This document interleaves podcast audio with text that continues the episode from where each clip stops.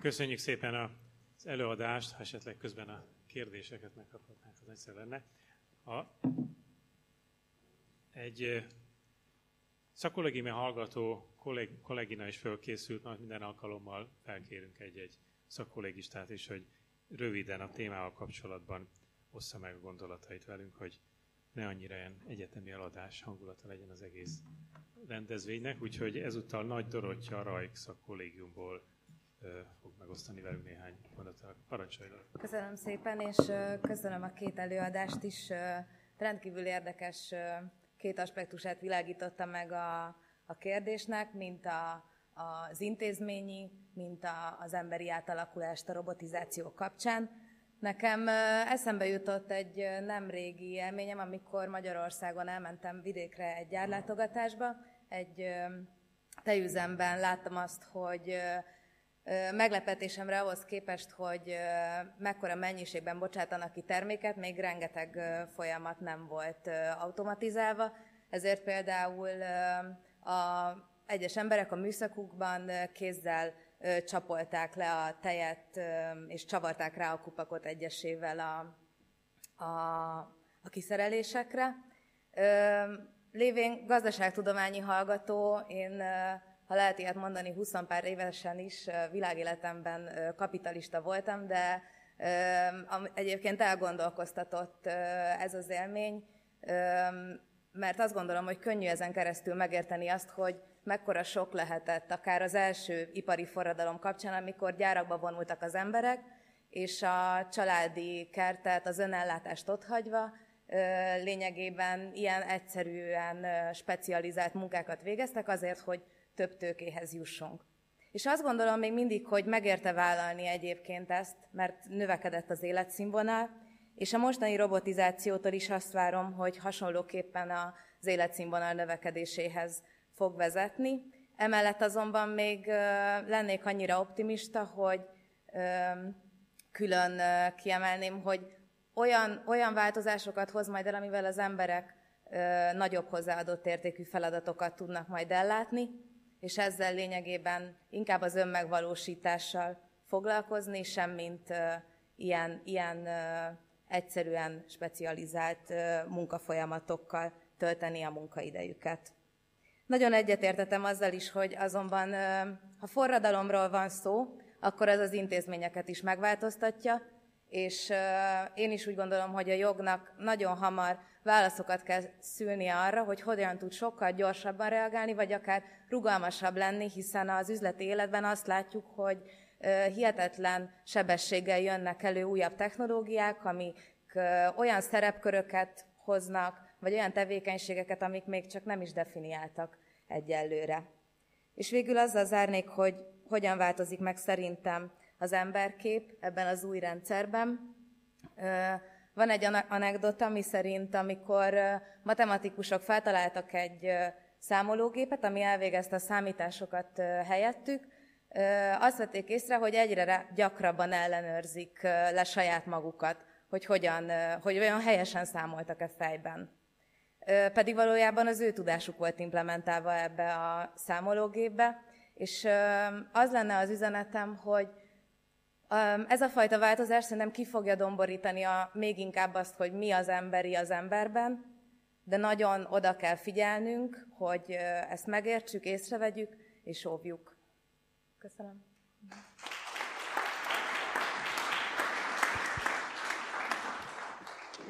Köszönjük szépen, közben elég szép számmal érkeztek a kérdések is, úgyhogy több körben akkor néhányat ráresztenék az előadókra. Fazekas Károlyhoz két kérdés. Milyen intézmények jelentik most a választ erre a kihívásra, amit a robotizáció jelent, és mik voltak azok az intézmények, amik a 18. században jelentették a, a választ. Szalavec Andrához pedig miért hoz, hozzák vajon hozzánk egyáltalán a termelést, és a vizsgált cégeknél a kutatásban miért fejlesztik a helyi kapacitást tovább a, a, a cégek.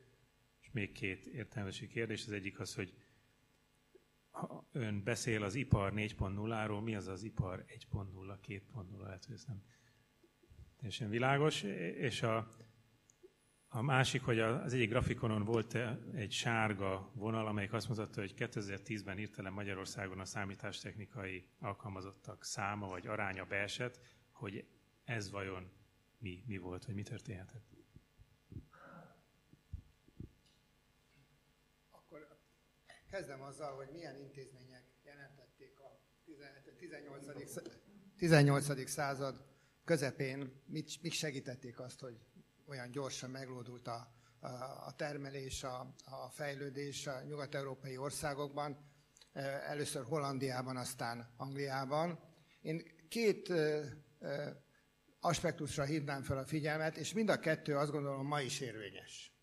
Az egyik, ugye az a, úgy mondjuk, hogy a Smithy növekedési motor az a munkamegosztás. A munkamegosztás te azt csinálod, én ezt csinálom, és kereskedünk egymással. Minél, minél szélesebb körre tud ez a kereskedelem kiterjedni, annál több előnyünk származik belőle. Ennek az alap, két alap aspektusa van, az egyik a, legyenek meg azok a készségek, alapkészségek, amelyek szükségesek azok, ahhoz, hogy azokat a folyamatokat menedzselni tudjam, amelyiket egy ilyen egyre komplexebb termelés tud, ez elengedhetetlen volt ezekben az országokban a írás-olvasás, írás-olvasás tudásnak a teljessé válása, majdnem teljessé válása. 18. század közepén először Hollandiában, aztán, az Egyesült Királyságban nagyon gyorsan fejlődött az, által, az általános alap, al, alapképzés. A másik pedig ugye a bizalomnak a megteremtése, a bizalom megteremtése, ahhoz szükséges egy olyan jogrendszernek a stabilitása, amely megerősíti ezt, eh, azt, hogy amikor én kereskedek veled, akkor eh, ugye itt arról van szó, hogy idegenekkel kell kereskedni, nem a szomszéddal, hanem ahogy egyre tágul a kör, egyre fontosabb az, hogy legyenek meg azok a mechanizmusok, amelyekkel, amelyek biztosítják azt, hogy ez a kereskedelem bővülhet. Én azt gondolom, most, ha most szembenézünk ezekkel a kihívásokkal, nem olyan nagy, és át is vezet a következő kérdéshez a válasz. Én a legfontosabbnak az oktatási intézményrendszer, az oktatás intézményrendszerének a fejlesztését, fejlesztését tartom. Kaptam itt egy, egy olyan kérdés, hogy a magyar oktatási rendszer mennyire alkalmas arra, hogy a non-kognitív készségeit fejleszi az érzelmi intelligenciáját, a kooperációs készségét. Ugye ezek a, ezek a készségek abban segítenek bennünket, hogy másokkal együtt tudjunk működni azokban a komplex feladatokban, amelyek egyre inkább. Most már hozzá kell tennem egyébként, erről is már egyre nagyobb irodalom van, hogy az egy, és egy külön szerete az új készségeknek, hogy az egyre feltettebb mesterséges intelligenciával is együtt tudjunk, együtt tudjunk működni ennek, és ez a képességünk is meglegyen. Na most azt gondolom, hogy persze a válasz az, az, az, az tudható, hogy én mit fogok erre mondani, hogy nem alkalmas a magyar oktatási rendszer nagyon sok problémája van, már kezdve a kora gyerekkortól, kezdve az ódai képzésnek a minőségétől, és különösen egy aspektusára azért fölhívom a figyelmet, ugye azért so, ezek a folyamatok, amit André is leír, hogy a, mondjuk, mondjuk a gyáriparban, vagy a, a feldolgozóiparban milyen készségekre van, milyen készségekre van szükség, és ehhez a magyar szakmunkás képzés a szakképzési rendszer az hogyan kapcsolódik. Ahhoz, hogy ezek a készségeket eh, megfelelő módon fejleszteni lehet, lehessen, ahhoz az általános készségeket kell eh, növelni. Magyarországon ez, ezzel éppen ellentétes folyamat ment végbe, tehát én azt mondanám, hogyha nagyon a, egyszerűen kéne válaszolni, hogy az intézményrendszerbe, ha belenyúlunk, akkor az egyik legfontosabb dolog lenne, hogy növekedjen az általános készségeknek az oktatás, oktatása időben is. Egyetértek a Magyar Gyáriparosok Szövetségének márciusban összeállítottak egy csomagot, hogy újra emeljük föl 18 évre a kötelező iskolai korhatárt, kapják meg az emberek, hiszen az igazán azokat a ismereteket, amelyek aztán életük során újra meg újra meg kell újítani, azt nem ott kapják meg, ők a képességet kapják meg arra, hogy tanulni tudjanak a későbbiek során. Köszönöm szépen. Először a definíció, hogy ipar 4.0, tehát beszélünk a robotizációról, amikor robotokat, illetve robotokat állítanak a termelésbe, ez idáig világos. vannak a robotoknak egy új, for, van a robotoknak egy új formája, az úgynevezett kollaboratív robot, ami nincs már kerítéssel elzárva, hanem közvetlenül együttműködve az emberi munkaerővel végzik együtt a munkát. Most az ipar 4.0 az annyival több a robotizációnál, hogy a termelés minden egyes paraméteréről gyűjtik szenzorok segítségével az adatokat, tehát a termelési adatok gyűjtése és azonnali valós időben a kiértékelése, ez egy nagyon fontos többlet, ami, amivel több az ipar 4.0 az a negyedik ipari forradalomnak a rövidítése. Ez megvalósítja a, egyrészt a dönte, az adatokon alapuló döntéshozatalt, tehát az, hogy üzleti analitikai megoldások elemzik, hogy mondjuk a termelésben, hogyha nő a hőmérséklet, akkor mikor fog eljutni oda a folyamat, hogy le kell állítani, karbantartásra van szükség, tehát adatokon alapuló döntéshozatal, illetve az összekapcsoltság, hogy ugyanazon a számítógépen lehet adatokat kapni arról, hogy hogy alakul a, hogy alakulnak a megrendelések, egy kattintással lehet változtatni a termelés ütemezési terven, a beszerzésen, a marketingen, tehát hogy a különböző funkciók össze vannak kapcsolva az adott egységen belül, ennyiben több az ipar 4.0 a robotizációnál, és akkor van még a harmadik, a digitális átalakulás,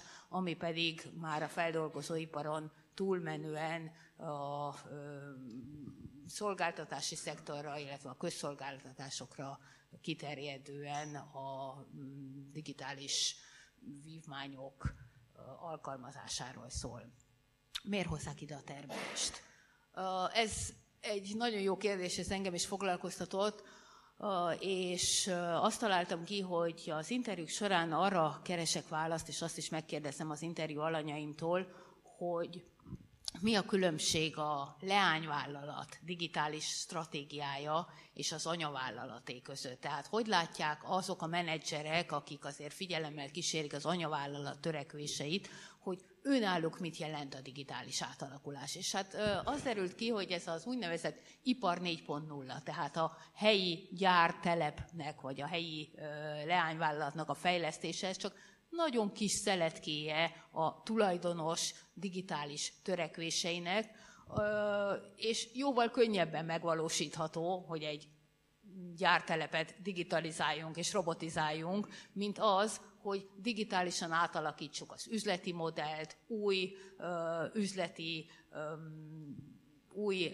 jövedelemforrásokhoz jutassuk a céget, digitálisan fejlesszük a terméket, más módon kínáljunk értéket a vevőkörnek, a, amelyeket, tehát a potenciális vevőket digitálisan szegmentáljuk, más módon kínáljunk felhasználói élményt a számukra, tehát a digitalizáció az anyavállalatoknál az arról szól, hogy hogy hogyan lehet a versenyképességüket növelni, új növekedési pályára átállni, új szolgáltatásokat, új üzleti modellt kínálni, és ehhez képest, hogy a meglévő telephelyeikre felfejlesztik digitális megoldásokkal, ez számunkra egy óriási dolog, de nekik a beruházásaikban, meg a kihívásukban eltörpül. Volt-e még? Ja igen, a, a visszaesés a, a számítástechnikai szakemberek. Én itt bevallom őszintén fogtam az adatokat, és annak alapján egy Excel ábrát készítettem. Most elkezdtem azon agyalni, hogy vajon tényleg miért. Tehát a, ami eszembe jutott, az a válság, a 2008-9-es válságnak a hatása ekkor érvényesült, illetve ami még eszembe jutott, az az, hogy viszonylag kicsi a teljes az összes foglalkoztatottnak a száma. Tehát, hogyha itt belenyúlnak egy nagyobb szabás, szóval nagyobb volumenű belenyúlás történik ezekbe a kis adatokba, akkor már nagyot változik. Mondjuk például van egy fejlesztő központja egy külföldi érdekeltségű vállalatnál, ahol sok-sok számítástechnikai szakember dolgozik valamilyen szoftverfejlesztésen, és azt a központot bezárják, vagy áttelepítik egy másik telephelyre, akkor ez már a makrostatisztikákban igencsak drámaian meg tud jelenni. Köszönjük, akkor még néhány kérdéssel próbálnám meg a, a, előadók tudását kiráncigálni, hogy minél többen okosodhassunk. Fazekas Károlyhoz alkalmas a magyar oktatási rendszerre nem kognitív készségek fejlesztésére részben már beszéltél. Szalavec Andrához ugyanez a kérdező, az átlagos és középvállalatokra is igaz lehet-e az optimista robotizálás, van egyáltalán rá pénzük, és felkészültek-e? A robotizáció és a mesterséges intelligencia csodálatos lehetőségek egyben veszély is. Kézben lehet-e tartani a folyamatokat hasonlóan ahhoz, ami, amiként a Nemzetközi Atomenergia Ügynökség erre legalább törekszik. Második megjegyzés, majdnem kipusztultak a lovak, mert feleslegessé váltak a, a, az iparban, illetve a mezőgazdaságban. Ma újból növekszik a lóállomány, a sportlóállomány és a szabadidő lóállomány. Ilyesmit várhatunk-e vajon a, ilyen hatásokat a, a robotizációtól? És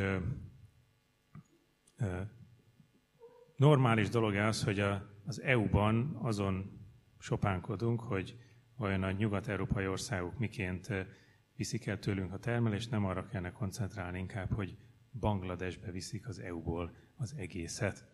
Úgyhogy körre akkor. Egy pillanatra lovakhoz visszatérnék.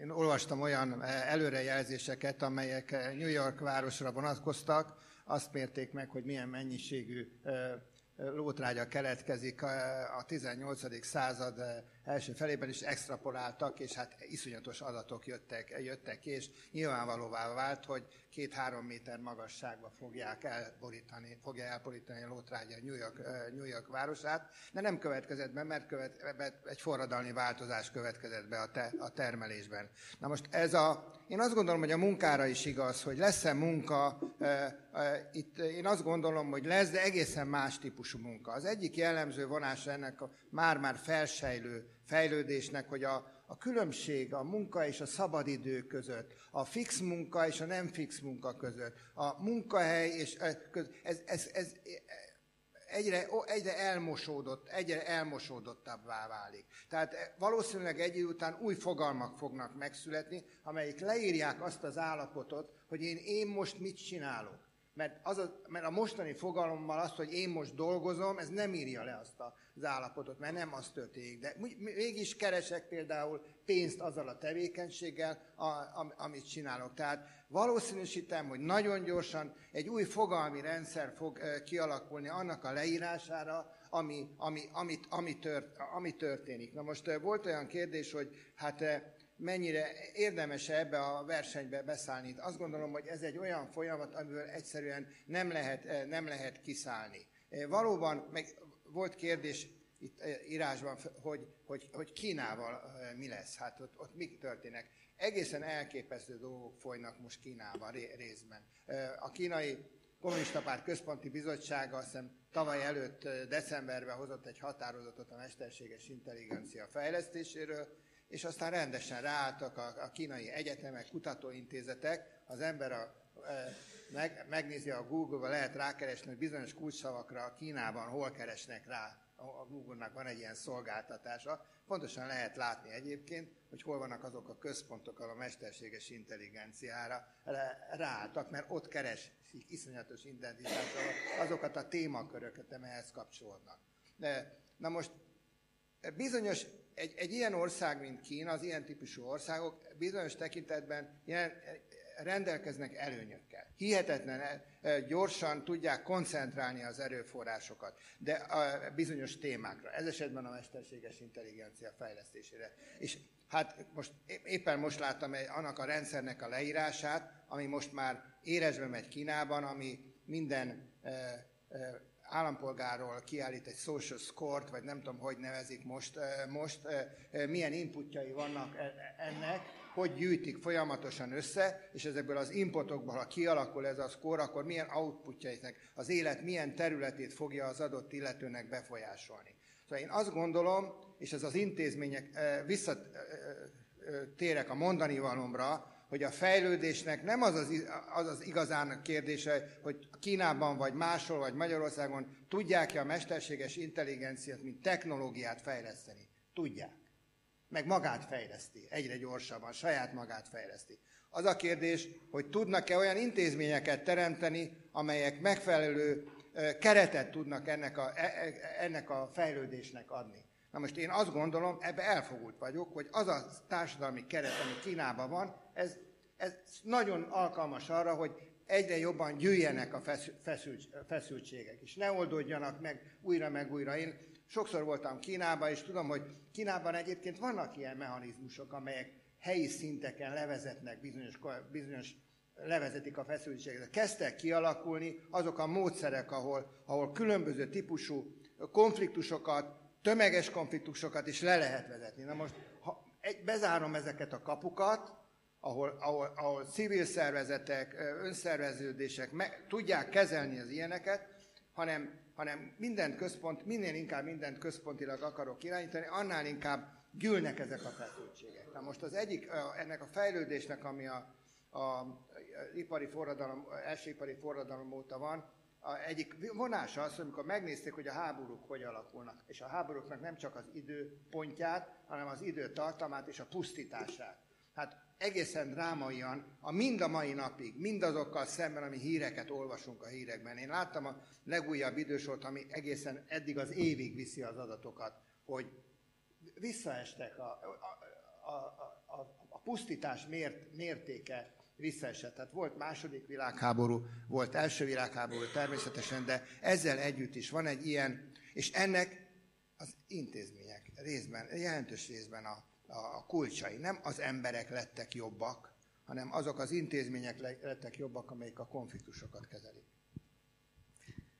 Köszönöm. Kis középvállalatok, hát itt azért ugye van egy közhely, hogy Magyarország duális gazdaság, és ami viszi előre a mutatókat, az általában a külföldi érdekeltségű nagyvállalatok, a kis középvállalatokon belül is persze vannak, van néhány élenjáró, de azokkal, akikkel én beszéltem, nagyon kevéssel. Ott általában olyan alapvető problémákkal küzdenek, hogy nincs ember, aki kapcsolatot tartana a digitális megoldások szállítójával. Tehát mondjuk proaktív módon a digitális technológia gyártója az felajánlja, hogy az adott kisközépvállalat folyamataira ilyen és ilyen algoritmus dolgoz ki és integrál, vagy robotokat telepít, de ez nem úgy van, hogy legyártják és bekapcsolják,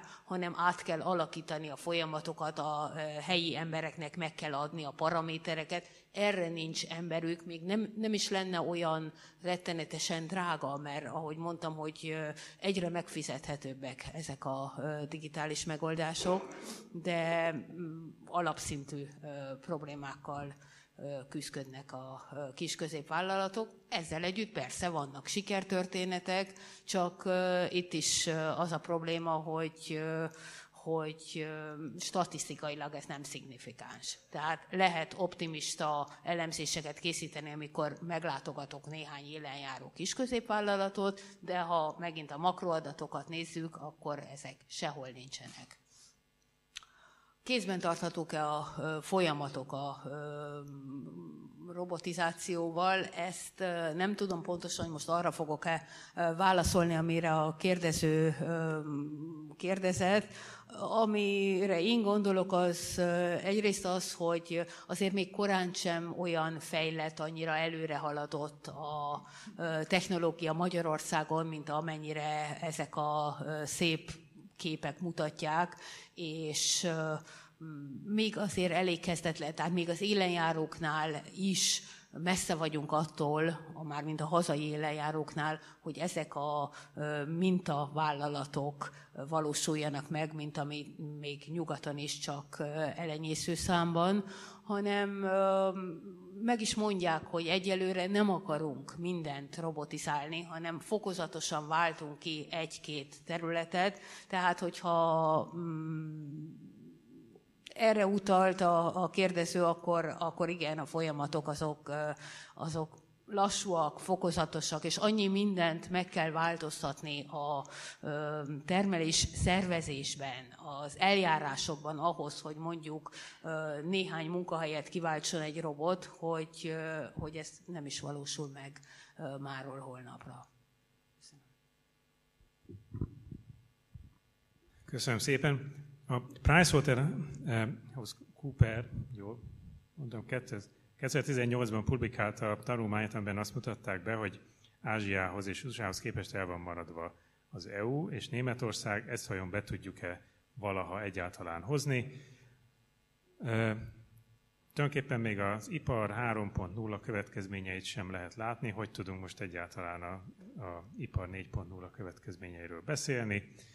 Várható egy újabb AI winter közeljövőben, egy mesterséges intelligencia tél, például ha az önvezető autók mindenféle baleseteket csinálnak, az például tény, hogy a tech cégek egyre, kevesebb, egyre kevésbé használják a mesterséges intelligenciát a marketingben, írja a kérdező. Akarjuk -e egyáltalán ezt az átalakulást? Nem lesz olyan ettől még rosszabb a harmadik világbeli országoknak? És végül két záró kérdés, a populárisabb, vagy akár hollywoodi jellegűek. Az első az, hogy felváltják-e a mesterséges intelligens szexrobotok a prostitúciót, illetve mekkora veszélyt jelenthet számunkra evolúciós szempontból és érzelmi kötődés szempontjából ez a kérdés, és az utolsó kérdés, hogy van-e valós veszélye arra a mostani tudásunk alapján, hogy a mesterséges intelligencia önálló életre kell?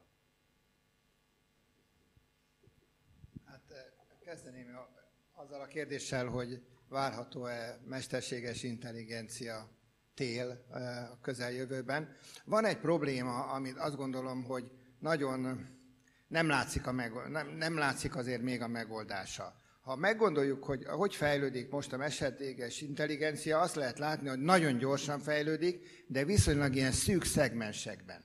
Tehát például bet, néhány hónappal ezelőtt mutattak be olyan chatrobotot, amelyik, amelyik titkárnői feladatokat végez.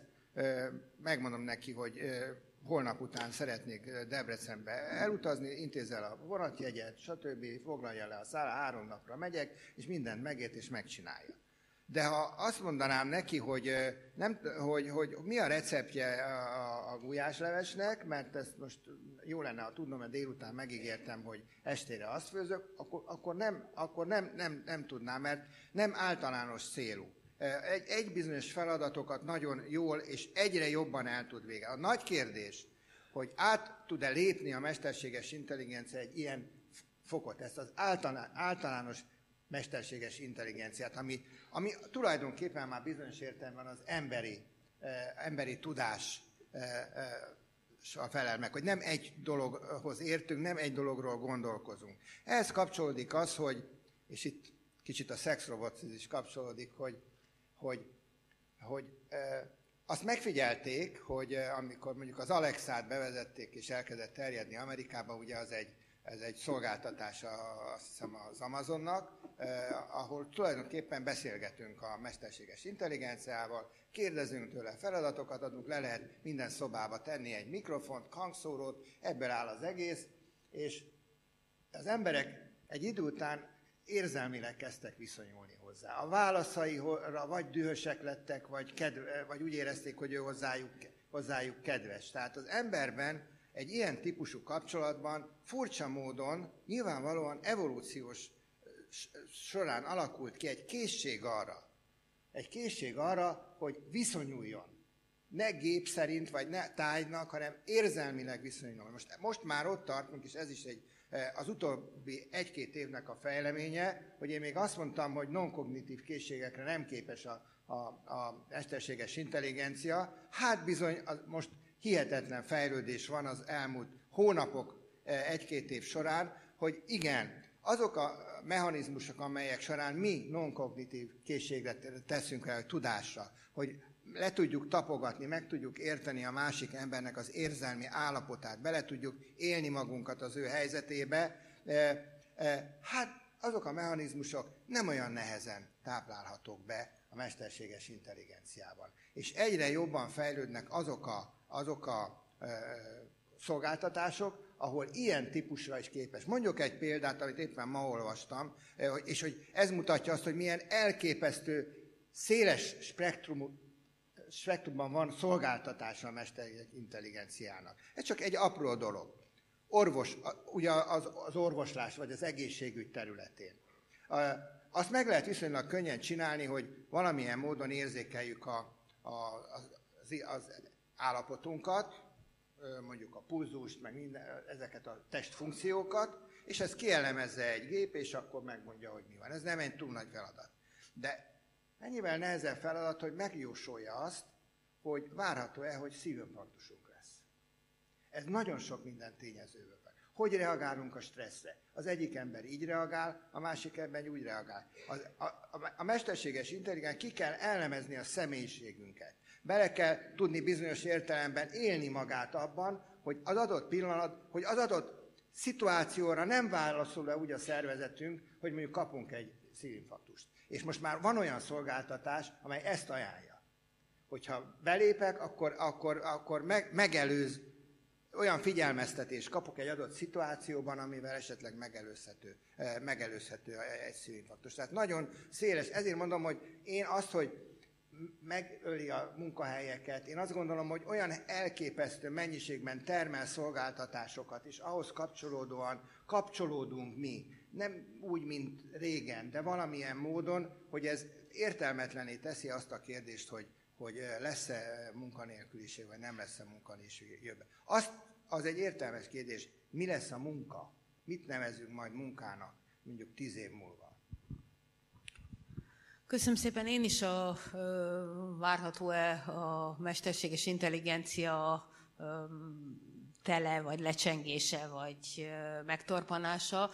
Most azt hiszem, hogy a szakemberek számára nem lesz újdonság, vagy akik követik a folyamatokat, amit mondok, hogy mi az, ami igen csak meglódította a fejlődést. Ugye a mesterséges intelligencia területén akkor következett be áttörés, amikor nem be, kódolni próbáltak mindenféle információt, hanem adatokat tanítottak meg a gépnek, tehát a, olyan az interneten millió számra felelhető adatokat, amivel megtanították, hogy az adott kép az mondjuk egy macskát ábrázol-e, vagy sem.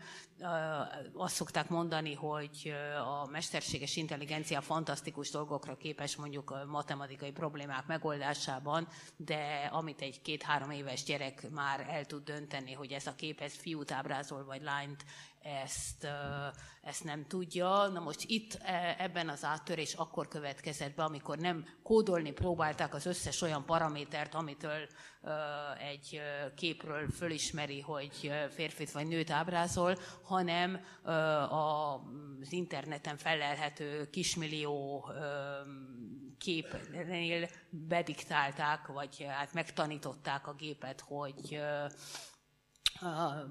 férfi vagy nő az illető. Na most a, oda akarok eljutni, hogy három alapvető alkalmazása van most a mesterséges intelligenciának a gépi látás, tehát az, hogy a gép a, tudja értelmezni, mondjuk a robot, hogy előtte van egy bizonyos akadály, akkor meg kell állni, kikerülni, vagy a futószalagon probléma van a termelésben, mert le kell állítani, tudja ellenőrizni a minőséget, tehát a gépilátás, akkor a gépi fordítás például, ami, ami egy fontos alkalmazás, és hát a minták felismerése, például az arcok felismerése, és akkor ide visszatérünk Kínára, hogy ez az arcfelismerő technika is igazából akkor volt áttörés, amikor a rengeteg gépi tanulás következtében már nem csak olyan 60-70 százalékos pontossággal mondta meg, hogy a határon átlépni kívánó ember az most XY Kínából, vagy pedig csak egy őrá hasonlító valaki, hanem elért egy olyan küszöböt a, a pontosság, amikortól már igencsak el lehet, elkezdett terjedni az alkalmazása, és, és azt hiszem, hogy ezen a küszöbön most már túljutottunk. Azt mondják, hogy, hogy tehát a, a legtöbb ilyen előrejelzés, hogy radikálisan vagy exponenciálisan nő azoknak az alkalmazásoknak a száma, és maga a technológia is exponenciális mértékben fejlődik, tehát én nem tartom valószínűnek, hogy most a mesterséges intelligencia telekövetkezzen be. Mm.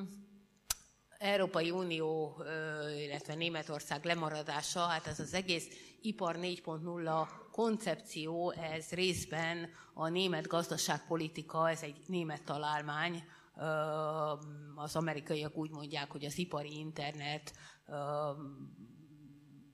az ipar 4.0, tehát ez egy német gazdaságpolitikai program volt, amelyben a digitális megoldásokkal próbálták a német ipar versenyképességét felhozni a versenytársak szintjére. Ez nem egy eldöntött kérdés, még mindig lemaradásban van, de hát itt az erőviszonyok folyamatosan változnak, óriási beruházások vannak minden a versenytárs, a fő versenytárs országok között. Egyelőre nem valószínű, hogy ez a lemaradás, ez, ez drámaian csökkenjen. Köszönöm szépen, akkor nekem nem is maradt más feladatom, mint hogy megköszönjem a két előadónak az előadást, önöknek a kérdéseket. Következő alkalmunk február 20-án lesz a mostanában különösen aktuálisá váló tudománypolitika témakörében. A rendezvényeinket a Facebookon, illetve az öthös.pont csoport, kukaszgmail.com levelező listán szoktuk hirdetni, és akinek még van kedve, még van egy fél óránk, mielőtt a portás bácsi kidob minket, ott néhány üveg bor be van készítve oldalt, meg pogácsa. Úgyhogy köszönöm szépen még egyszer.